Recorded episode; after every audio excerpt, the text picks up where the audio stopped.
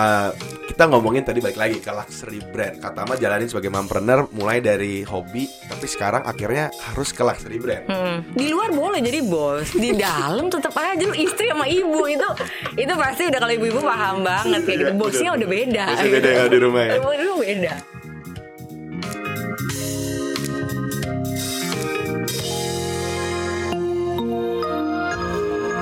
Hai founders, welcome back to Ngobis, ngobrol bisnis by teman startup.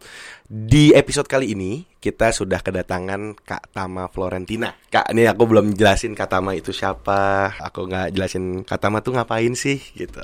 Aku maunya Kak Tama kenalin diri sendiri. Cerita sendiri nih cerita ya. Kak Tama nih siapa sih? Dari mana sih gitu.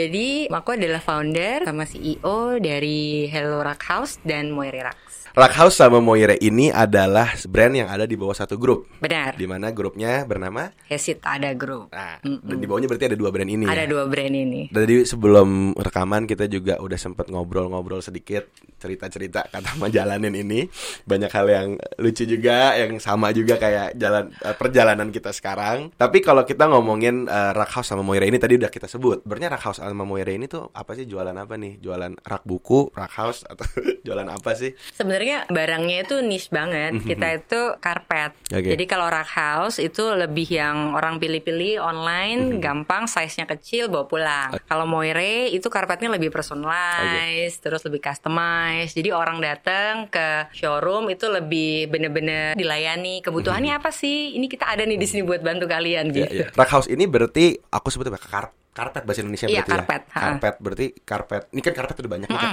Ada karpet bulu, karpet raspur. karpet apa sih sebutannya bahasa Indonesia? Em, sebenarnya sih karpet bulu ya, Karpet ada bulu bulu, ya, ada ya. bulunya Iya, kayak iya, iya. gitu. ha. Oke. Dan bedanya adalah kalau tadi kita ngobrol, Rock House ini lebih wide kali ya. Iya, lebih benar. Tinggal pilih yang udah mungkin ready to ready to wear sama baju, Baju ya, langsung. Ready to taruh di Iya, lantai. kalau misalnya uh, Moire ini lebih customized. Benar, benar. Nah, ha, ha. Berarti aku juga kemarin sempat ngecek. Ini mungkin yang mungkin teman-teman founders eh seru nih karpet ya. Karpetnya tapi aku pikir karpet welcome. Eh banyak tapi yang pikiran kayak gitu. Banyak. Banyak yang enggak maksudnya kalau sekilas kayak Oh, oh, bisnisnya apa karpet, Karpet. itu bingung atau enggak dipikirnya Iya. kayak kalau belum kenal oh ini pasti kayak karpet-karpet timur tengah atau apa kayak gitu tuh banyak banget. Oh, Kayak bubur kayak di bubur karpet gitu ya karpet. bubur karpet sama sama karpet-karpet yang ini bisa karpet Korea gitu Iya, karpet Korea ya. bener. Terus terus nih yang tadi aku bilang menarik Rock House tuh aku cek di website itu ada uh, pricing starts from 30 million something gitu. Ini yang menarik mungkin ini tuh bisnis yang mungkin targetnya A pasti. Terus relation sangat penting. Apalagi tadi katama juga bilang datang dilayanin lo maunya apa, rumah lo Iya. berapa kali berapa. Mungkin mungkin separah kayak aduh rumah aku ujungnya segitiga nih, segi empat atau segi enam gitu. Mungkin ujungnya mau dicodetin dikit ya juga bisa, Bisa, gitu. iya, Karena ya iya. gue maunya begini nih Aha. gitu. Penting banget gak sih untuk targeting market A itu butuh customer service yang sangat tinggi atau apa relation yang sangat baik atau apa sih sebenarnya? Jadi sebenarnya waktu Rock House kita berjalan 4 tahun, kita ke Moire itu keputusan yang nggak gampang kan sebenarnya. Oke. Soalnya kalau Moire itu udah E plus, jadi bukan cuman Iya, A aja, jadi udah spesial banget Iya, iya, ya bener, gitu. bener, bener. Nah ini sebenarnya agak tricky juga. Oke. Kita mau jualan terlalu nge-push juga nggak bisa, Mhm. tapi kita juga butuh jualan. Jadi pinter-pinter yaitu jaga relation sama customer. Mhm. Oke. Terus habis itu waktu kita ngajak desainer buat collab, Ya, ya, ya. ya. itu kan awal brand kita juga bingung kita mau bayar berapa sih desainer-desainer besar kayak gitu gitu. Apa sih yang bisa kita kasih ke dia? Jadi ya misalkan kita punya strategi oh oke nanti waktu kita buatin acara terus secara media juga kita expose itu mereka lumayan happy banget. Atau kalau misalkan kalau ke customer itu lebih kayak small touch itu penting banget. Iya, iya. Entah mereka birthday atau mereka kita kan baru pindah rumah terus kita kirim ucapan Gift atau gitu se- ya. ah, small gift atau apa jadi memang agak lebih ekstra jadi lebih kenal sih sebenarnya customer kita itu siapa dan mau diperlakukan seperti apa kayak Oke, gitu Itu luxury kali ya, Iya, produk luxury benar, gitu. ha. Dengan market yang juga luxury. Kalau lo bisa beli karpet tadi 30 million kan, berarti nggak mungkin pernah dengar suara PLN bunyi gitu kan? Harusnya, harusnya. Jadi ingat pas kos dulu begitu bunyi. Bunyi terus ya. Kan kalau yang udah bisa beli berarti ya target marketnya bukan itu gitu. Iya, iya. Nah, tapi apart from maksudnya jokes aside, kita ngomongin tadi target market main di produk luxury. Apakah kayak Katama dari awal udah bikin ini deh, bikin ini semua. Kayak gue memang mentargetkan mau ke sana atau karena tadi berawal dari Rack House dulu. Terus kayak kenapa sih mau pindah? Atau mungkin ceritanya oh ternyata Rack House itu memang ada dari bisnis keluarga kah atau memang pengetahuannya di bidang itu kah atau gimana sih pertama kali? Em, jadi gue balik ke Jakarta itu tahun 2014 masih corporate. Oke. Ah, jadi waktu itu maternity leave, terus ngapa-ngapain kan di rumah. Waktu tuh punya rumah kecil ya. Terus kita mulai nih desain karpet sendiri segala macam. Jadi dari iseng awalnya itu untuk Rack sebelum House. sebelum lanjut, a- orang iseng tuh biasanya main TikTok, main Instagram, gitu. Gak, iseng gak ngedesain karpet. tuh. Itu- kok bisa ngedesain karpet tuh kenapa? Enggak, waktu itu eh, kebetulan cari karpet yang nggak bulu. Awalnya Rack House itu produk awalnya itu namanya canvas rack. Jadi Oh, belum oke, oke, belum oke. common di sini. Ya, waktu ya, itu ya, ya. kanvas yang kita pakai tintanya tuh um, organik, bahannya organik semua. Nah, waktu itu karena gue masih corporate, pada bilang udah dijual aja di Instagram. Tahun 2014 tuh orang semua jualan pakai Instagram. Nah, gue Ya, baru ya, balik ya, ke ya. Jakarta nggak tahu nih kalau Instagram ya, itu ya. segitu Keren ininya. hanya platform foto aja ya. Iya, Ya, ya, ya. em, Nah ternyata awal mula buka dari PO, dari PO terus lama-lama ready stock jalan satu setengah tahun kok ini berkembang pesat banget. Akhirnya gue kalah resign. Pikirannya punya store di mall, waktu Ya, itu kita ya, di ya, Lembang ya. Mall Kemang, sama jagain anak udah sim simple kayak gitu nggak Udah, nggak iya, iya. nggak Nggak mikir jauh ya? nggak mikir jauh. Nah ternyata jalan em, tahun keempat, akhirnya kita mutusin buat punya produksi sendiri. Tadinya kita kerjasama tuh. Oke, oke. Ah, ah, nah kan fast track ini udah mulai banyak nih palsuannya istilahnya. Hmm, oke, Akhirnya oke, kita oke. oh ya udah deh dan mereka rata-rata banyak banting harga dengan bahan yang berbeda. Kita akhirnya mulai oke lah kita mau yang karpet bisa custom aja. Akhirnya kita Oh. punya produksi sendiri setelah bekerja sama-sama orang punya produksi sendiri. Itu tantangannya lebih berat lagi dong ya, Tantangannya lebih berat produksi. Iya, iya. lagi. Itu bener-bener parah banget ya pokoknya. Terus ternyata yang tadinya mikir, oh ini cuma buat Raka House doang. Iya, ternyata iya. masih banyak sisa yang kita pilihannya mau kita kerjakan bareng orang lain atau kita mau punya brand lagi. Ya. Nah akhirnya mikir udahlah kita buat brand baru aja. Cuma pangsanya waktu itu nggak kepikiran lebih dimurahin Enggak Kita pikir bahan-bahan yang lebih eksklusif nih. Yang tadi luxury-nya Iya, itu iya, yang kita iya, iya, cari. iya. Bahan apa sih yang kita nggak pakai di Rack House Tapi kita bisa pakai di Moire? Jadi Iya, selain dari bahan Terus mungkin dari pelayanan Tadinya customnya cuma biasa aja Ini lebih dibuat hmm, bisa yang tadi kayak misalkan mau dicodetin dikit lah Iya, malah iya, iya. Bisa lebih macam-macam kayak gitu. Nah berawal dari situ sih sebenarnya Karena pangsanya ini untuk karpet masih banyak di Indonesia. Oke. kayak gitu. Nah, tapi sebelum nyampe mundurin lagi nih, Katama dari corporate latar belakangnya apa gitu. Mas ini soalnya pertanyaan orang sering kayak gitu. Pasti kayak, banget ya. Pasti yang kayak kok lu bisa sekarang gue misalnya let's say ah, yang dengerin aku kuliah food tech.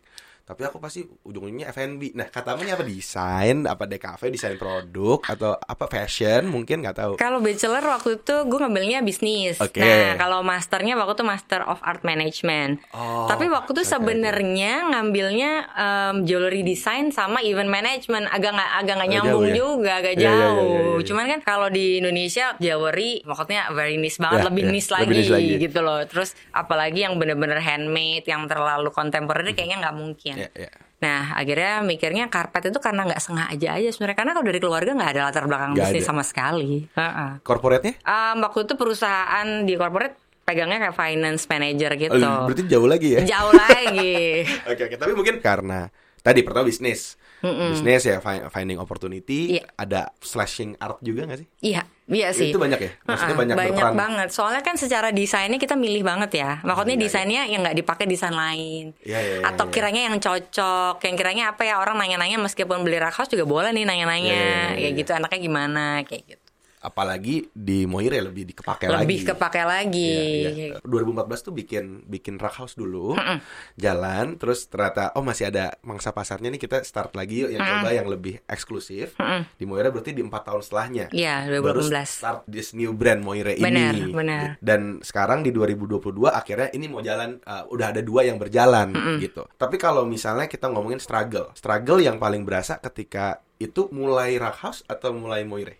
Lebih capek yang mana? Kalau waktu mulai rak house kan kayak nothing tulus ya, maksudnya Oh, iya, jualan iya, juga iya, iya. PO, terus waktu itu masih corporate dan memang nggak punya jiwa bisnis kayak Iya, iya, gitu. Jadi mikirnya ya udahlah iseng terus dulu kan bazar tuh masih bagus Oh, kan. iya, iya, iya. Ya gue ikut tuh Iya, iya. Sabtu Minggu bener-bener kayak Cuma satu minggu bener Iya lagi, kan iya. Jumat Sabtu Minggu, Iya, iya. terus habis itu Lewat loading dock lagi loading dock itu bener masukin sendiri Iya, iya, yang iya. ngebantuin waktu tuh suami gue sama ada mas atau mbak yang di rumah belum punya karyawan gitu. Oke, oke, Jadi kepikirannya ya lumayan dapat duit tambahan nih kayak gitu. Nah kalau Moire pressure-nya lebih gede. Karena kan waktu itu Iya, iya, apa ya udah kerja sama sama desainer ini acara sukses nggak ya ada nggak sih yang mau datang ini brand baru loh habis itu gue kerja sama sama desainer nama-nama besar kalau udah gue meyakinkan mereka dia percayain ke kita kok ternyata nggak bawa crowd kan kita udah malu banget kayak gitu Event manager kepake dong tuh ya. Um, ya kepake banget. Oke. Tahu nggak yang datang waktu acara itu kayaknya 250 orang lah. Kayak Ini acara apa? Acara opening. acara opening. Jadi kayak Oke. kayak brand launching kayak orang kondangan Iya, zaman iya. itu.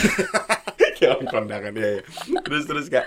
Ya, Undang tapi- undang 250 orang datang. Ah, Oke. jadi kita ngundangnya memang eh, yang spesifik banget kayak interior, ke arsitek. Yang untungnya mereka datang kayak gitu. Karena. Oke. memang belum pernah waktu itu ada yang kerja sama sampai kayak 10 desainer Oke. dan ini lumayan ternama semua. Nah ini buat teman-teman yang belum tahu, jadi di Moire ini salah satu strategi kali ya kita bilang strategi atau activation atau uniqueness-nya adalah bekerja sama dengan beberapa, aku sebutnya apa seniman. Iya, Seniman arti ya? desainer. Ah, ah, desainer, seniman seniman. untuk mendesain di karpet tersebut. ya. Bener. ha. Dan itu pertama kali launching berarti itu 2018 launching 2018. pertama kali ada event itulah ya.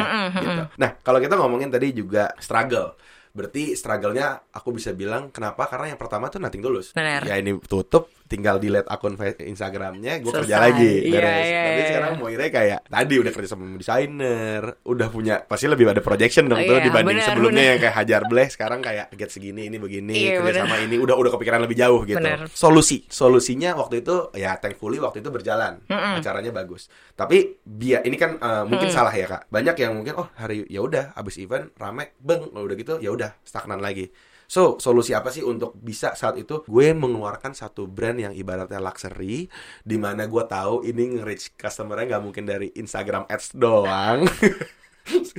nggak mungkin kan gitu atau nggak mungkin bagi brosur nggak mungkin endorse endorse ngasal itu lebih PR gimana sih waktu itu struggle itu diselesaikan Nah karena em, yang datang waktu itu juga banyak kan antusiasmenya juga banyak. Ya. Akhirnya kita follow up nih. oke Ah, ah, Ya, ya, ya. Jadi follow upnya itu lebih lebih apa ya kita kirimkan katalog, Eh, ya, ya, ya. entah ngobrol-ngobrol aja. Kalau kiranya sama-sama founder atau sama-sama ownernya ya say hi aja, kita lunch atau ngobrol bareng. Jadi lebih ke nggak tiba-tiba kita jualan langsung kayak Ya, gitu. ya, ya, ya, Ah, ya, jadi harus tahu banget target kita tuh ada di mana dan cara jualannya bagaimana. Intinya kayak Ya, gitu. Soalnya kalau misalkan kita samain strateginya si Rakhaus sama Moire juga nggak bisa. betul Kalau Rakhaus kita kebanyakan basa-basi, orang kabur dong. Ya kan? anjing gue mau beli ribet banget Iya, loh tanya Iya, iya, di iya, iya. Instagram ditanyain apa Iya, iya, kabar, iya, tanyain iya, iya. gini, baru baru pindah rumah orang udah Iya, iya. sebel. Hmm, benar, Cepet benar. aja kayak oh Benar, mau beli gini, oke selesai transfer, Iya, iya, terima kasih kirim. kakak kan gitu. Tapi kalau Moire nggak bisa langsung, Iya, oh mau benar. beli ini ya, wah nggak bisa. Jadi kita mesti pinter-pinter nih pilah-pilah ke mana. Termasuk kita educate our team juga. Betul. Kayak gitu. Jadi tim Moira juga harus paham kita itu yang dijual tuh barang apa dan seperti apa, Hmm. penempatan posisi kita bagaimana. Iya. Jadi kalian cara berjualnya nggak bisa seperti itu. Sampai kalau kita cari tim sales itu kita juga seleksi banget. Kita nggak asal cari. Kita cari yang udah senior, kita cari yang udah paham banget sih interior itu ada beberapa level. Kita Iya. ada di mana harus yang seperti itu. Jadi mendingan cari orang tuh pelan-pelan tapi dapatnya pas daripada Iya. buru-buru terus habis itu bentar aja langsung keluar. Nah, karena dia mewakili perusahaan juga kan Oh ya banget banget. Jadi secara branding perusahaan kan harus dilihat ya. Maksudnya nggak harus yang bener-bener cakep atau apa enggak. As- Mhm. Ya Iya, iya, iya. rapi, good looking. iya, Terus diajak ngobrol orang enak sama customernya. Kayak gitu-gitu sih yang lebih ke smart gak sih ya Benar. luwes dan smart ya Benar, benar. Iya, Eh, jadi kalau kita weekly meeting itu selalu kita ngobrolin kayak, jadi brand kita tuh di sini. Jadi secara tim tuh mereka paham. Iya. Oh oke kayak gini. Jadi kalau ketemu customer atau ngelayani customer atau sekedar di kantor ada admin angkat telepon tuh angkat teleponnya nggak bisa seperti ini. Kayak gitu sih. Jadi Iya, iya, paham iya. harus paham Iya, sih iya. sebenarnya. waktu kuliah aku harus buat suatu produk untuk lulus jadi aku jualan dasi jadi kan ya sama lumayan niche lah ya dasi tapi dari akrilik arts Hmm. Ah. gitu lah gitu sempatlah satu ke- seketika aku mendapatkan network untuk bisa menampilkan ini ke salah satu profil yang memang oh target market gue nih selama ini gue susah banget untuk nyampe ke situ ya sekarang anak kuliah lu mau nyampe target market Eh, A dasi tuh, susah. dasi lu harga gini sih yang pakai dasi sih apalagi Iya, iya. dasinya art lagi gitu. Iya, iya. koneksi ke tailor terus kayak desainer tuh susah. Jadi waktu itu Bener. baru pernah sempet dapat aku kasih unjuk kak. Jadi emang kita udah bikin boxnya bagus dasinya bagus kualitas bagus lah. Dia pegang dasi ini dia dibilang gini wih keren ya ini. Gitu dipakai cobain dia selfie. Emang tipikalnya cowok eh, inilah metroseksual lah gitu metroseksual yang memang dia suka terus dia pakai di segala macam ini gue bisa tawarin teman-teman gue nih nanti gue coba. Dulu terus dia nanya akhirnya lo jual berapa terus aku bilang "Eh, 489 kak. 4,89 4 4,8 juta. Enggak kak 489 ribu. Diban ditaro ditaro tuh dasi jadi habis dipakai oh gue pikir 4 juta. Terus ditaro dibalikin nggak dipegang lagi. Terus setelah itu aku coba naikin harganya. Oh berarti lu mau ngomong premium target market lu ah produk lu bagus terus lu jual 400 Ih, ka- iya gitu kan kayak ya itu mungkin mindset mereka ya. Buat mereka 400 kayak sih 400 gitu kayak kayak gitu kali ya. Mungkin biasanya beli yang murah aja sejuta kan, Sejuta, dua juta iya, gitu. iya, iya, iya. Akhirnya aku naikin tuh harga Kak dari 400 ke ke 700. Hmm. Terus di yang di luar aku jualan di luar tuh aku naikin 1,2. Aku sempet taruh di Singapura. Terus yang lucunya lakunya lebih tinggi dibanding harga 400. Produknya sama kan, sama produknya. Nah, melihat dari itu gitu, behavior konsumen khususnya mungkin di di pasar luxurious, luxury, luxury produk gitu. Sebenarnya apa aja sih yang memutuskan mereka untuk membeli suatu produk? Um, biasanya kalau udah ngomongin luxury pasti um, deket banget nih sama harga mahal. Pasti orang pikirnya Ya, udah ya. udah pasti harga mahal banget kayak gitu. Tapi selain harga mahal, um, kita mesti tahu nih barang apa yang kita bisa kasih ke customer. Kayak misalkan tadi dasi, secara packaging gimana, secara kualitas Ya, ya, ya. bagaimana, itu mesti dipikirin banget. Yang kalau misalkan ini harganya waktu 489 segini, mungkin kayak tadi 1,2 tapi barangnya sama. Mungkin kita bisa naikin lagi, tapi apa yang bisa kita ganti? Misalkan ha jadi entah catnya atau apanya dicetak atau misalkan digambar itu pakai yang lebih organik Ya, ya, ya, ya. atau lebih apa. Jadi kita harus cari nilai plusnya sih kalau gue bilang. Karena kalau kita paham um, customer kita, pasti kita mesti mikirin, oh oke, apalagi sih yang mereka butuhin selain bagus, Ya. kualitas terus apalagi ya servis nah jadi bisa disesuaikan. Jadi apa yang mereka bayar mereka ngerasa oh oke gue dapet nih apa yang gue bayar mahal tapi memang secara pelayanan dan barangnya pun ini bagus banget ya. kayak Added gitu value lah ya. Selain, benar selain benar dari fungsi dasi cuma ditaruh di leher. Iya. Selain kayak karpet fungsinya ya buat ditaruh. iya iya Tapi kan ada fungsi lain nih, estetika, Bener. story dan sebagainya di dalam suatu produk gitu. Benar, ya. benar. Kita tuh selalu bilang kayak biasanya karpet tuh pelengkap, tapi kalau kita bilang karpet itu bisa stand out gitu loh. Hmm. Ya, ya, ya, ya. Jadi misalkan kita nggak mau taruh bantal atau enggak kita pengen taruh bantal warna-warni ya udah karpetnya yang biasa aja atau bisa bermain di karpet. Jadi orang bisa ngeliat oh oke dia bisa showing off nih Hmm. kayak gitu loh. Atau enggak karena ini memang mahal bilang oke yang yang em, mau di showing off kan di living room. Mungkin kalau yang nyaman kita taruh di bedroom, nanti rest kita pakai yang harganya yang segini aja. Jadi kita juga jangan cuma mahalnya aja tapi ada solusi Oke. gitu. Berarti berarti harusnya ada tim konsultan juga ya di dalam. Ada, ada. Ah, ah, itu eh, konsultannya kayak interior consultant atau emang dia Ah. ngerti atau emang oh just the product itself. Jadi ada graphic designer yang memang untuk ngedesain, Oke. ha, sama sales kita itu juga bisa jadi konsultan juga. Ya, jadi ya, dia ya. paham, bukan cuma sekedar jualan atau target, Ya, ya. tapi dia harus paham nih sebenarnya kayak fungsi dan harus cari solusi buat customer. Jadi customer tuh ngerasa kalau kita memang oh kalau mau cari itu di sini tuh dibantu banget loh, bukan cuma Oke. sekedar oke beli ya terima kasih kayak Iya, gitu. Dan di educate juga ya. Benar, di educate itu Iya. yang penting banget. Misalkan oke lah gue belum mampu atau belum Oke. mau nih beli sekarang. Nanti kalau misalkan keinget, gue balik lagi Iya, nih iya, iya, iya. gitu. Tapi le- boleh tau gak lebih banyak yang sebenarnya ngerti atau nggak ngerti sih kak? Banyak gak ngerti. Lebih banyak yang ngerti Iya. ya. Kalau yang dateng gue udah ngerti karpet, gue udah ngerti industri karpet tuh. Jarang banget. Mereka Karena kadang-kadang susah ya Iya, ya, maksudnya Indo. masih jarang banget. Kalaupun Iya, iya. tahu itu nggak tahu sampai bahan yang sampai detail banget, Iya, iya, sampai iya. tekniknya, sampai apa yang kadang-kadang kalau misalnya orang nanya, kita tuh pikirin banget sampai dari backingnya, dari bahan yang dipakai. Mungkin orang bilang, kok lebih mahal sih? Misalkan ada, cuman gue nyari gini, oh iya mungkin dia bukan handmade. Atau Iya. eh, bahan yang kita pakai ternyata eh, bahannya ini lebih high end kayak gitu. Jadi em, biasanya ada beberapa bahan yang kita bedakan. Jadi Hmm. kualitasnya kalau orang paham itu akan tahu. Kalau yang nggak paham kita akan kasih tahu mereka Iya, iya, iya. kayak gitu. Oke. Dan itu itu PR-nya edukasi itu sih. Iya, itu Karena PR udah, banget. Udah produknya niche. Mungkin karpet juga bisa kita golongin produk tersier. Iya benar. Iya kan? Terus kayak ini udah campur art lagi Iya, gitu iya. kayak ya edukasi itu yang perlu untuk dikasih tahu gitu. Karena kalau kita ngomong fungsi ya produk-produk luxury nggak ada yang fungsi Nggak ada. sebenarnya bukan maksudnya bukan Iya, iya, iya. bukan nggak ada yang fungsi ya maksudnya benar, benar. bukan berfokus di fungsi gitu kalau kita ngomong fungsi ya karpet welcome juga udah karpet Iya, gitu iya, tapi iya. edukasi itu yang memang penting ya kak terus udah gitu kalau kita ngomongin misalnya Katama Katama ini juga mompreneur mompreneur dari tahun berapa? Start. Tapi start udah eh, udah menikah? Udah, udah Oh dari nikah. dari start udah nikah ya tadi. ya? Udah, jadi 2014 tuh udah nikah. Jadi sebenarnya Hesita ada grup ini itu dia growingnya barengan sama anak gue yang pertama. Jadi ngelihat anak gue iya, pertama berkembang, itu tuh ini sama. Jadi Anak pertama, anak kedua, anak ketiga sama nih. Soalnya gedenya bareng. jadi makanya kalau dibilang ini tuh udah kayak anak gue banget Iya, gitu loh iya. kayak hatinya emang ada di sini. Jadi 2014 itu sebelum lahiran ya ini mulai tanggal 10 anaknya lahir tanggal 25. Jadi yang ngelihat anaknya berkembang nah itu sebenarnya udah segede Iya, iya, itu iya, nih. iya. Ini anak pertama Bisnis berarti ini. ini ya Hesitada ya. Hesita ada dulu. Baru yang kedua itu. Sorry anak kayak Katama, enggak anak pertama tetap kok.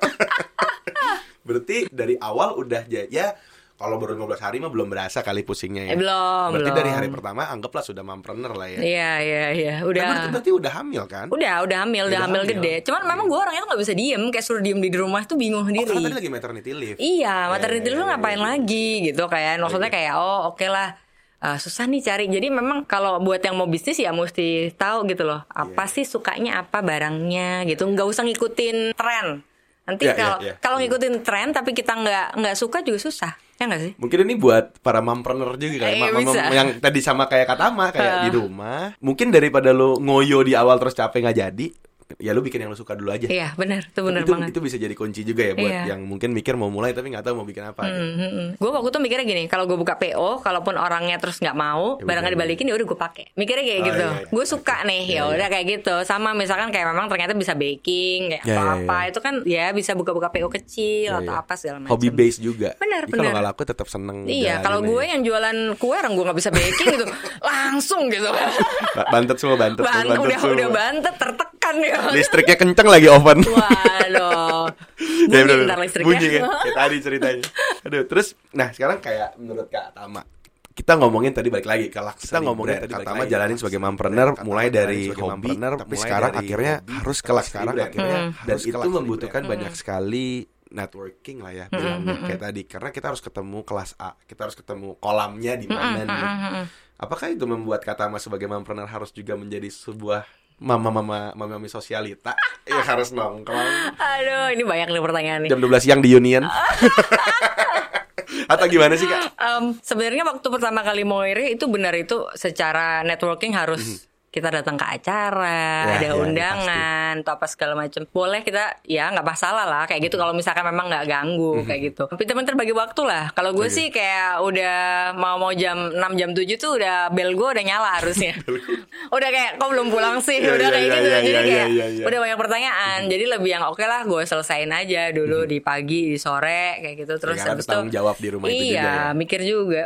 Di luar boleh jadi bos, di dalam jadi tetap aja lu Di istri dalam sama ibu itu. aja lu istri itu sama ibu. udah kalau ibu-ibu paham Itu pasti udah kalau ibu-ibu paham beda. banget. Beda ya, di rumah ya. Iya, di Boleh. rumah jam tiga meeting jam Beda. empat jemput sama ngantar ke Kumon Nah itu itu itu bisa banget. Eh tapi Iya. bener loh, gue pagi tuh ngedropin anak sekolah, habis itu baru ngantor Iya iya benar benar. Terus pas pulang sekalian. Kalau sekalian. ke, kalau ke sepagian ya supir. Iya, supir kadang-kadang anak gue ke kantor ya biasanya kayak gitu sih. Tapi menurut Katama, Katama tuh sibuk banget sih? Sekarang nih ngejalanin bisnis yang dari tadi kita Sekarang. omongin. Kayak ha- time consuming banget gak sih? Ah, jujur pasti iya. Ha-ha, cuman Dibanding kan waktu keluarga lah kasarannya. Oh, Nggak sampai Nggak lah ya. sih, nggak sampai. Itu kan tergantung kita milihnya gimana. Sebenarnya kalau Iya. mau diseriusin banget kayak oke gue datang jam 8 sampai jam 5 terus Iya, semua acara gue datengin atau menyibukkan diri bisa. Cuma kadang-kadang gue mikir ya hati gue di mana gitu, anak Iya, gue di iya, rumah iya, gitu kan. iya. Jadi ya ya udahlah waktunya pulang ya pulang. Kalaupun mesti malam berarti gue berangkat agak siang. Jadi pinter-pinter bagi waktu atau kompromi gimana sama suami gimana Iya, iya, kayak iya. gitu. Soalnya kan banyak eh, banyak cita-cita anak sekarang kali ya yang baru 20 30 kayak ini gue mau habis nikah buka online shop aja deh di rumah pakai daster tapi ngirim barang gitu kayak karena takut kehilangan waktu sama anaknya nih kayak meleng dikit wah udah 17 Udah sebentar. Meleng dikit lagi tiba-tiba laki ini jemput. Nak sampai nih gitu. Kayak udah hilang gitu waktunya cepet iya, banget iya, gitu. iya, iya. jadi ya baik lagi kalau menurut kata Mak ngebagi waktu itu sebenarnya ya. Iya, jadi tujuannya apa? Yang Iya, dipentingin tuh apa? Kayak gitu. Kalau memang misalkan dia mompreneur tapi nggak masalah nih, anaknya udah bisa mandiri semua, udah gede-gede, dia mau kayak overtime, dia mau ketemu orang nggak ada waktu, anaknya udah SMA semua Iya, kayak iya, gitu. Jadi balik lagi ke kondisi kita dan keluarga ya jangan disamain kayak misalkan gue bilang, oke gue balik jam 6 atau sebelum jam 7 dari rumah, Hmm. mungkin orang lain akan lebih santai, itu nggak masalah. Kalau itu kan buat gue, kalau yang lain izin gak usah diikutin sih. Iya iya sebenarnya. iya iya iya. Ya. Jadi balik lagi lah tujuan lo kerja Iya, nih ngapain. Terus kalau ngapain. kita break breakdown lagi tujuan lu ikut networking yang ini apa? Iya, Pen- bener. sepenting itu nggak sih? Iya gitu? itu tuh bener banget, bener Iya, iya. banget. Tapi kan kita udah ada tim nih. Kalau misalkan nggak bisa datang ya timnya aja suruh datang. Iya, iya, Atau saya sorry kirim bunga itu bisa sih. Sebenarnya semua ada jawabannya lah. ada ya. jawabannya. Tapi pernah nggak kejadian yang mungkin bisa dibilang zong lah Hmm. buruk gitu ketika jalanin waktu sebagai seorang entrepreneur Hmm. dan seorang mam pernah nih kejadian kayak oh gue inget kayak gini Biasanya sih apa ya? Ini kan lama udah pandemi ya. Ya, jadi mungkin lama, cerita-cerita banyak dulu sih. Kalau yang kemarin terakhir tuh biasanya gue tuh Rabu siang itu off. Jadi gue nggak ngantor, pasti siang sampai sore karena nganterin jadwal anak gue yang pertama berkuda. Oke Itu udah nggak bisa diganti, nggak bisa di apa. Mau ada meeting atau apa, gue selalu bilang enggak, enggak gitu. udah live pasti Udah live pasti. Jadi jam 12 gue udah udah pergi. Nah, tapi kalau misalkan kepepet banget sore harus. Nah, akhirnya akhirnya si anak akhirnya ikut. Itu pernah kejadian kayak gitu. Temen ya akhirnya jadi agak awkward dan guilty agak yang aduh gimana. Cuman ya kita mesti bilang Oke okay ya, gini gini gini segala macam kayak gitu. Cuman diobrolin dulu sih. ya, ya. Kalau misalkan udah konsekuensi kayak gitu, ya jangan tiba-tiba oke lah gue ganti, kasihan juga. Itu kan kayak lebih ke konsekuensi kita buat anak. Kita udah yang oke lah, gue mau gini. Berarti ya hari Rabu itu berarti untuk apa? Balik lagi sebenarnya tujuannya apa? Biasanya gue buat kalender sih kayak gitu, kayak ya, pasti. ha-ha. udah banyak kok tools yang bisa Iya ngebantu lu untuk itu ya Nah, jadi meetingnya bisa diganti hari apa? Biasanya juga yang di- ngajakin meeting juga mau ganti kecuali memang acara yang kita harus attend kan nggak Hmm. Iya, mungkin. iya, iya, Tapi iya. kalau meeting biasanya mereka cukup paham lah. sabtu minggu Sabtu Minggu off gue Blok biasanya. pasti ya? Keluarga. Em, kalaupun ada biasanya kalau ke acara itu yang biasanya mereka bisa ikut Ya, gitu atau ikut ikut sambil pergi ikut pulang ya, sambil ya, ya, nah ya. atau enggak gue miring gini bentar di tempat yang sama baru kayak gitu Aduh. masih tapi jarang banget sih Sabtu Minggu Jarang Sabtu Minggu sih. Kan Jarang event, banget. Event gitu bisa Sabtu Minggu. Maksudnya event, event ada networking, sih event, iya event sih brand iya. gitu biasanya kan Sabtu cuma rata-rata udah tahu kalau gue agak-agak Sabtu Minggu Gak akan datang nih. Nggak akan Coret datang. coret aja nih Tama Florentina coret aja kata. Iya, kayak Paling gitu. kirim ucapan sorry nih. atau enggak misalkan kadang-kadang lucunya gini kalau emang lagi te- mau term break itu jaw- jadwal tes gue nggak bisa tuh malam dinner. iya, jadi gue akan bilang nih ke teman-teman gue gue nggak bisa ya sorry banget anak gue lagi ujian. Itu udah biasa. Kalau kita banyakan apa ya banyakan alasan atau apa nggak bilang jujur kan orang akan ngerasa gimana. Cuman kalau gitu orang paham kok maksudnya eh Iya, sorry iya, banget gue seminggu tapi next week gue bisa kok ya Iya, iya, iya. Tinggal ngomong aja sih Cuma gitu daripada biasanya. kita bohong-bohong nah bilang. bohong ini kenapa nih Sopir lagi di rumah sakit, mobil lagi Waduh, bocor kayak kayak sombong jatuhnya. ya. Iya jatuhnya kayak sombong bilang aja nggak bisa Iya, mau lagi iya. tes gimana dong nanti tapi Iya, next iya. week gue oke kok tinggal jelasin yang ke rumah ganti yang minggu kemarin ya gue mau Iya, iya, dinner iya. nih ya kayak gitu-gitu aja sih bisa dikompromi tapi tapi kalau kita ngomong efektif gak sih sebenarnya dengan networking tadi? Efektif banget Efektif efektif, ya? banget karena sebenarnya kita butuh mouth to mouth juga untuk Nah. bisnis kan mungkin nggak cuma yang luxury aja yang secara bisnis biasa kalau memang belum punya budget yang besar untuk Instagram ad atau apa itu mouth Hmm. Mouth to mouth mouth. lebih lebih powerful banget ya nggak sih kayak misalkan orang fotoin Iya, iya, iya. story Iya, kan kayak gitu Apalagi di luxury lagi. apalagi luxury orang percaya banget itu Tapi ya kadang-kadang teman-teman atau yang dengerin mungkin ngerasa kayak gak ada efek ya. Kenapa? Karena kita nggak bisa ukur. Hmm, ya, kan agak lebih sulit ya. Kalau Bener, ads kan bener, berapa klik berapa bener. gitu. Kalau word of Bener. mouth kan bisa aja hari ini lo ngobrol, dia ngobrolnya masih tiga bulan lagi Iya. gitu. Sebenarnya kita kalau gue bilang mesti tahu produk kita sendiri. Iya. Jadi waktu mau ready awal sampai tahun 2021 kemarin kita fokusnya emang di offline. Ah, ah, jadi kita lebih ke yaitu misalkan meeting sama klien, entah mereka datang atau memang kita janjian. Jadi kita nggak pernah canvassing ya, nggak pernah ketok pintu. Iya, iya. Jadi kayak janjian terus baru presentasi atau lunch atau apa. Cuma di tahun 2022 ini karena kita udah tahu nih secara offline udah mulai kuat. Oh. Ah, udah mulai kuat. Jadi kita mau ke online-nya gitu. Jadi B2B-nya Moira kan 70%. Kita mau juga nih secara customer-nya yang end user-nya juga mau banyak. Jadi makanya kemarin waktu kita buat pameran di Asta yang kerja sama sama desainer juga bulan November, itu kita media partnernya pilih media partner yang bukan hanya interior, tapi Oke. kita pilihnya untuk yang lebih end user tapi yang ke high end Lifestyle lah ya. dari lifestyle, ya. tapi yang ke high end kayak gitu. Ya, Jadi ya, ya, ya. mesti tiap tahun itu apa? Nah kayak gitu. Nah lo stick to the plan kayak Ya, gitu. ya. Kalau tahun ini gue lebih ke online ya udah berarti budget offline-nya agak dikurangin. Banyakin di online, tapi selain Facebook ad, Instagram Hmm. ad mungkin yang lain secara media atau apa segala macam itu penting banget sih plan. tetap sesuai plan walaupun lo tadi kita bilang oh tidak terukur langsung oh pasti orang datang ini gue bikin event baliknya harus gini kan itu bisa. mungkin ada plan tapi kan ya nggak bisa kita patokin begitu Nggak gitu. bisa. Bisa dia belinya tiga bulan lagi Bener bener soalnya kayak kita kan pamerin karpet nggak mungkin dong udah harganya puluhan juta kita berharap orang jual di situ kayak beli makanan. Oke, kita beli ya sekarang nggak mungkin banget. SPG-nya Gitu. teriak lagi, boleh kah karpetnya gitu? Waduh, gue di lagi lewat langsung Di berujung tanduk langsung di Asta lagi. Jadi kan yang kemarin yang jaga itu bukan SPG, jadi bener-bener tim kita. Jadi di Oke, situ oke, tuh oke. ada finance, Iya, ada iya, iya, iya. ada desainer, jadi banyak. Jadi semua terus gue bilang kita tuh nggak butuh SPG di sini. Iya, iya, kalian yang kita taruh di sini karena apa? Beda. Kita tuh mau kalian ngobrol, mau apa? Nah gitu lagi-lagi educate. Tim kita sendiri. Iya, jadi tim iya. itu jaga juga yang oh iya kita nggak jualan kok nggak Ya, apa, cuma lebih ke karena konsultan kali tadi Benar, ya. benar. Tapi kita ngerasain bedanya. Memang tidak terukur, tapi oh ternyata itu reminder lagi buat orang ya. Oh, ya. Moire masih di sini ya, kayak gitu. Januari, Februari sampai sekarang sih penjualan bagus, kayak gitu. Aman nih, Aman. aman. Mudah-mudahan sampai akhir tahun Sampai ya. akhir tahun.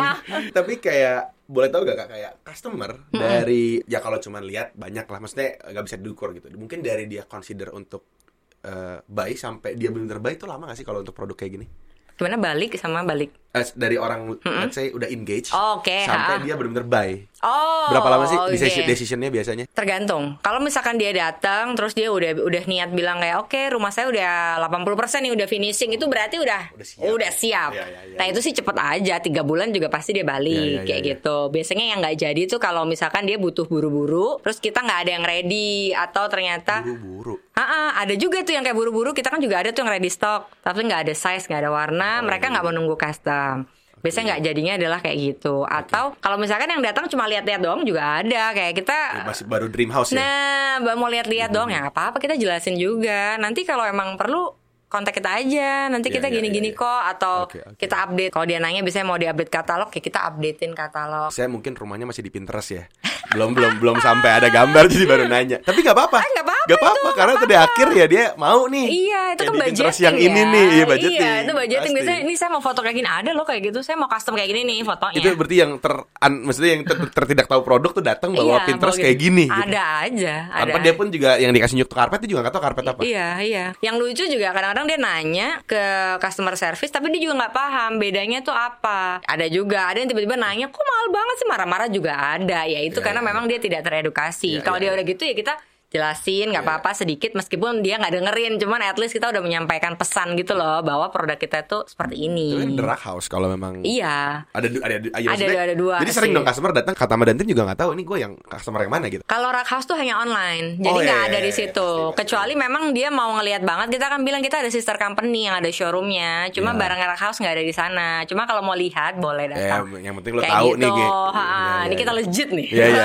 Orang pikir bohong nih bohong Iya, online. kayak Oke, gitu. Oke oke. Tadi kak kak Tama udah sempat ngomong masalah kalau eh, orang ada yang nggak mau nunggu, ada yang ready, mungkin ada yang custom atau mungkin ada kompetitor serupa. Pasti ada di industri ini gitu. Menurut kak Tama sendiri gimana sih caranya Rack House dan juga Moire ini bisa bersaing lah di industri yang ada saat ini? Sebenarnya kita selain yang tadi udah bolak-balik gue bilang kita tahu produk kita apa. Iya. Terus kalau udah tahu produk kita pasti tahu nih jalannya mau ke mana, Oke. plannya mau dibawa apa kayak gitu. Terus kalaupun kita ngeliat kompetitor ya boleh dilihat, tapi nggak usah sebagai kayak ancaman, enggak. Iya, iya. Namanya juga di dunia kan kita berbagi rezeki Iya, ya, benar-benar. gitu. Jadi ya udah, ya kita tahu kompetitor ya udah. Cuma kalau yang gue bisa bilang kalau yang punya ready stock sendiri dan produksi sendiri di high end tuh hanya kita. Oke. Ah, ah. kalau yang lain biasanya hanya secara ready aja nggak atau enggak kalaupun dia punya custom tuh dilempar lagi kayak Oke, gitu. oke, Jadi paling oke. kalau misalkan kita udah tahu cuma kita doang yang punya, kita harus pertahanin nih kayak gimana punya inovasi apa, secara produk harus bagus atau apa. Kita tuh tiap tahun selalu punya namanya recap selama setahun. Jadi GM gue tuh selalu punya recap mulai dari tentang masalah karyawan sampai masalah komplain customer. Kita selalu ngeliat nih tiap tahunnya Ya, ya. itu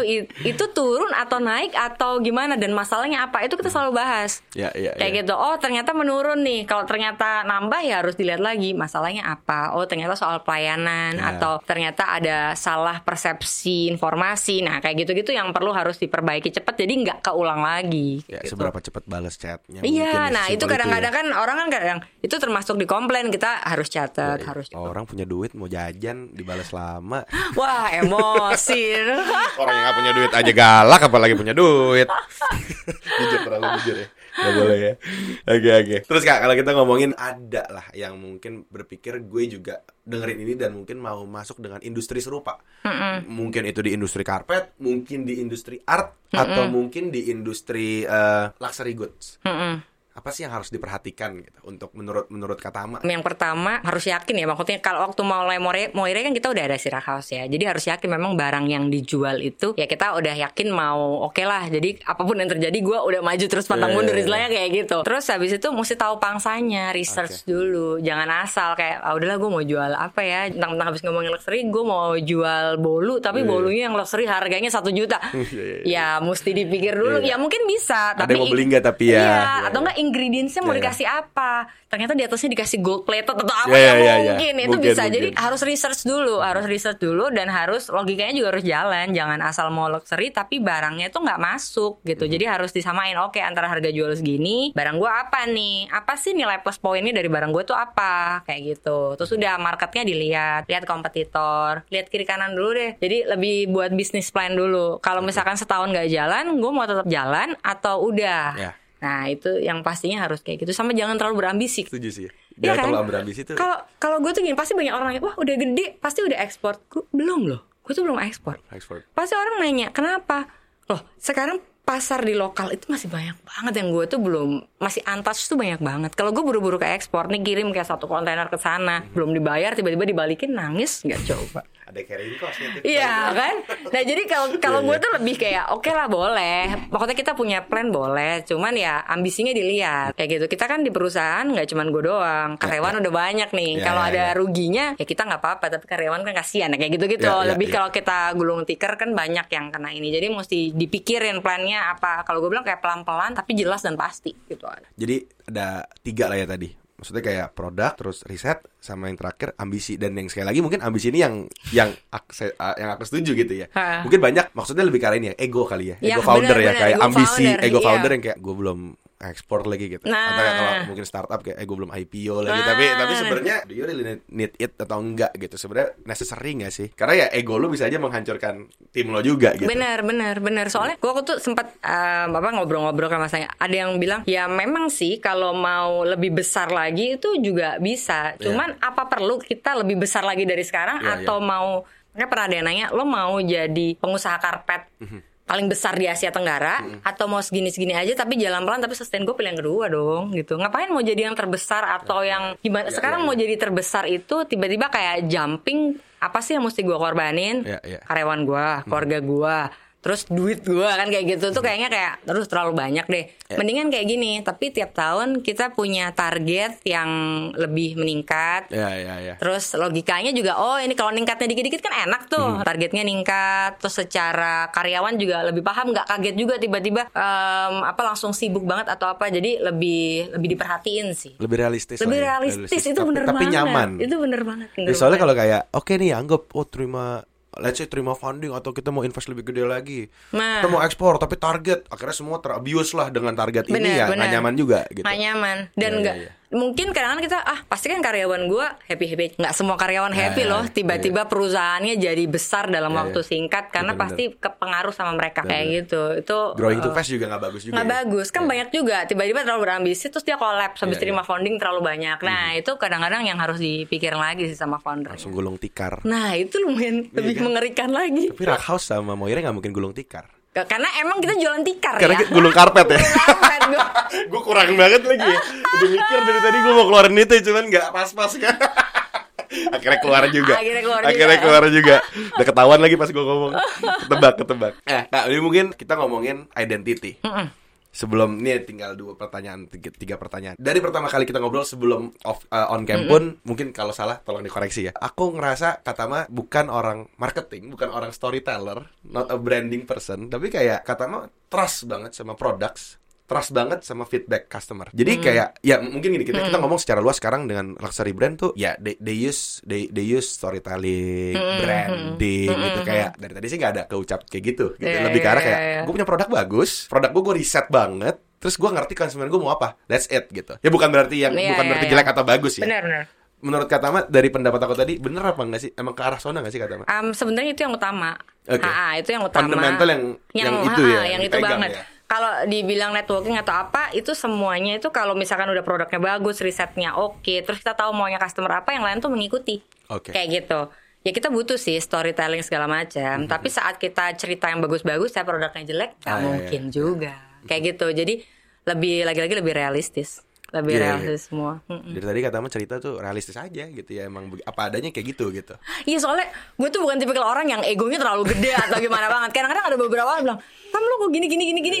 Ya ya silakan sih, tapi gue nggak nggak nggak gitu deh. Ya silakan Oke. aja kayak gitu. Kan Oke. kan pilihan orang sendiri-sendiri. Tapi kan gitu. itu identitas Katama. Iya, benar. Kalau identitas House sendiri. Apa yang mau disampaikan sebenarnya dari brand ini identitas seperti apa sih yang mau orang tahu gitu tentang kita memang juga akhir-akhir ini mu- mulai banyak berteman baik dengan Iya. media atau segala macam yang selalu kita pikirkan Eh, jadi eh, memang kalau orang cari karpet tuh carinya ke kita kita sesimpel itu aja nggak usah yang nyari dari mana-mana pokoknya ada orang pengen tahu tentang karpet mau entah hanya edukasi atau mau temen-temen ngobrol aja atau apa itu udah kepikirannya udah lebih itu aja sih ya everything about carpet. Iya, itu udah silakan kepikirannya. lah ke gue. Ya. Nah, terus membangun hubungan baik dengan customer. Sebenarnya dari tadi kita udah bahas. Cuman mungkin kayak apa sih yang kadang-kadang kita nggak pikirin jangan terlalu berjualan tanda kutip itu. Ah, Oke. Jadi kalau kita ah, ngomong soal customer kan barang apa pun sih, gue bilang mau jualan baju atau jualan jasa Casing handphone, apa pun, produk lah ya. Iya produk apa pun, mulai yang terkecil. Kalau kita terlalu ngejar-ngejar juga nggak orang nggak nyaman gitu loh. Mm-hmm. Jangan sampai orang jadi ketakutan ngeliat kita, jadi nggak, aduh ngeliat muka gue udah udah kabur nih Ditawarin dia, nih. udah tawarin. Kita kan bukan bukan sales yang seperti Iya, iya. itu. Jadi ya jualannya juga dengan baik aja. Kalau nawarin ya nawarin. Kalau misalkan nanti mau follow up ya dijedain. Pokoknya jangan terlalu maksa. Intinya Ya, ya, ya. membuat customer nyaman. Tapi tahu nih kita ada barang yang kita jual kayak Oke. gitu. Dan hubungan itu jangan sampai transaksional kali ya. Iya. Apalagi yang sama yang udah beli juga. Nah itu Ya, kalau misalkan setelah banyak. itu mau berteman ya nggak apa-apa. Jangan terus habis itu oh eh, dia nggak beli karpet gue nggak mau temenan sama dia. Wah itu lucu banget. Nanya doang Gitu. nih, udah enam bulan nanya doang Ah, nih. ya udah deh gue ah gitu ya enggak. Itu kan Ya, kayaknya ya. nggak enak ya. Pasti Ya, ada ya. suatu ketika mereka juga akan apa ya akan ingat. Mungkin aja dia bukan target market, tapi dia mungkin bisa jadi salah satu yang tadi kita ngomongin uh, mouth to mouth marketing Iya. tadi, word of mouth Bener tadi. gitu ya. banget, bener banget. Jadi namanya bisnis ya mesti pinter-pinter. Apalagi sekarang udah zaman sekarang tuh udah banyak banget kan saingan. Ya. Kalau terlalu nge-push banget juga susah lah ya. Opportunity udah maksudnya sekarang ya terbuka luas sih siapa pun Benar, bisa. benar, siapa pun sebenarnya bisa. ya. Tapi bisa sukses belum tentu bisa mulai ya gitu. Iya, iya bener banget. Seperti tadi kayak ngomongin transaksional ya kayak kayak, tadi setuju sama kata bilang kayak ya dulu jualan baju pun kayak sesimpel balas Shopee-nya bilang thank you udah purchase gitu. Bener, Gak bener. harus kayak tadi ulang tahun kirim kue mungkin ya. Nggak harus. Jual baju 25, Ah, harus kuenya juga. udah 80. ya gak balik kan gitu. Tapi balik. tapi Bener, kayak say thank simple you. say thank you, nanya bajunya nyaman apa enggak Iya gitu. itu, bener penting ya. banget, itu penting banget itu kan feedback juga Iya, dari iya. customer kan. Ternyata misalkan dia bilang aduh bajunya enak banget tapi kok ternyata sayang ya plastiknya robek atau Ah, apa iya, nah iya, itu kan iya, mungkin iya. kita bisa Feedback. perhatikan. Nanti kalau kirim lagi oh ternyata customer tuh maunya bener-bener terimanya yang rapi. Hmm. Ya plastiknya mungkin lebih diapain, lebih pesan yang kuat atau lebih di tape lebih banyak atau seperti itu. Jadi hal-hal kecil tuh tapi matters banget buat perusahaan. Ini last question sebenarnya sih. Kalau kita ngomong tentang the group itself, Hesitada setelah ada Rock House lalu ke Moire, apa sih plannya next? Salah sih pertanyaannya sebenarnya nih, karena belum tahu kalau kata Ma orangnya realistis dan tidak ada ambisi yang selalu gede. Jawabannya nggak mungkin kayak kita berencana untuk kayak mungkin ke sana ya. ya ya kalau mau dijawab gimana ya kita Apa next ya kak? Um, Nextnya pasti pengen lebih. Ini kan kita di online belum terlalu kuat. Jadi Oke, oke. intinya kita mau kuatin di online, Online ya, kita. online jadi ha jadi orang tuh yang tadi mau cari apa aja tentang karpet larinya ke Hmm. kita. Terus yang utama pasti ya gimana caranya supaya bisa sustain ya. Ya kalau yang standar ya penjualan naik terus tiap tahun. Itu yang harus Itu itu yang harus. Tetap ada ambisi Udah kalau situ. ya? Tapi kalau bikin brand lagi, udah pernah- udah sempat kepikir gak nih? Ah jujur belum sih. Belum ya? Ha-ha, belum. Tapi kepikiran sedikit pernah kalau misalkan si Rock House memang perkembangannya bagus eh, nantinya mau ini cuman belum terlalu yang dipikir banget Ya, banget ya, gitu belum. Jadi itu masih kayak wacana aja. Oke. Good luck kata Mak. Thank you untuk semua banget. ambisinya dan Terima yang pasti tadi salesnya Terima kasih. meningkat. Thank you udah mau sharing buat Terima teman-teman. kasih, terima kasih. Thank you juga jauh nih main ke sini. Dari workshop di Sunter lagi kan. Sunter kan tadi? Iya di Sunter jalan-jalan lah. Jadi nyampe ke kantornya. Barat lagi nih. Barat lagi. Eh tapi tadi lancar loh, cuma 35 menit. Ah, Kak memang harus pulang cepat. Oh, diusir pulang- nih kayaknya. Kar- bukan diusir karena kalau kata pulang jam 5 dari sini ke habis Sunter ya. habis Habis, habis, bener. Sekali lagi kata thank you. Eh, dan kalau teman-teman mau mau maksudnya mau lihat dari tadi lu ngomongin apa sih mungkin mau lihat Ya. presence-nya Moire atau mungkin bahkan ada yang mau mau lihat eh, produknya, mau lihat oh gue lagi ada yang bikin rumah mungkin nanti. Itu di mana sih Kak ceknya? Um, kita ada website atau Instagram. Kalau Instagram itu ada di Hello Rack House sama di Moire Racks. Kalau websitenya di uh, moirerax.com sama rackhouse. .com juga. Semua sama, ya Sama. tinggal di .com-in. Tinggal di Soalnya di. Instagram harus ada hello-nya. Harus ada hello-nya bener. Oke. Sama kalau mau nanya langsung ke Katama, itu lewat Instagramnya Ah, Rock House kayak- aja. Iya boleh sih ah, ah. Atau ke Instagram pribadi juga Oke. boleh di Tama Darwanto Tama Darwanto. Jadi teman-teman boleh nanya kalau mau nanya Mau di DM juga boleh Nah, nanya tentang bisnis, mau nanya tentang karpetnya silakan. Boleh boleh Tadi mau tanya les berkudanya di mana juga boleh. Oke kata Mbak thank you sekali lagi. Thank you banget. Sukses terus untuk Iya. ke depannya. Semoga saya selalu titip salam buat keluarga juga. Amin Thank you thank you Thank you founders for listening. Kita ketemu lagi di episode selanjutnya. Bye bye.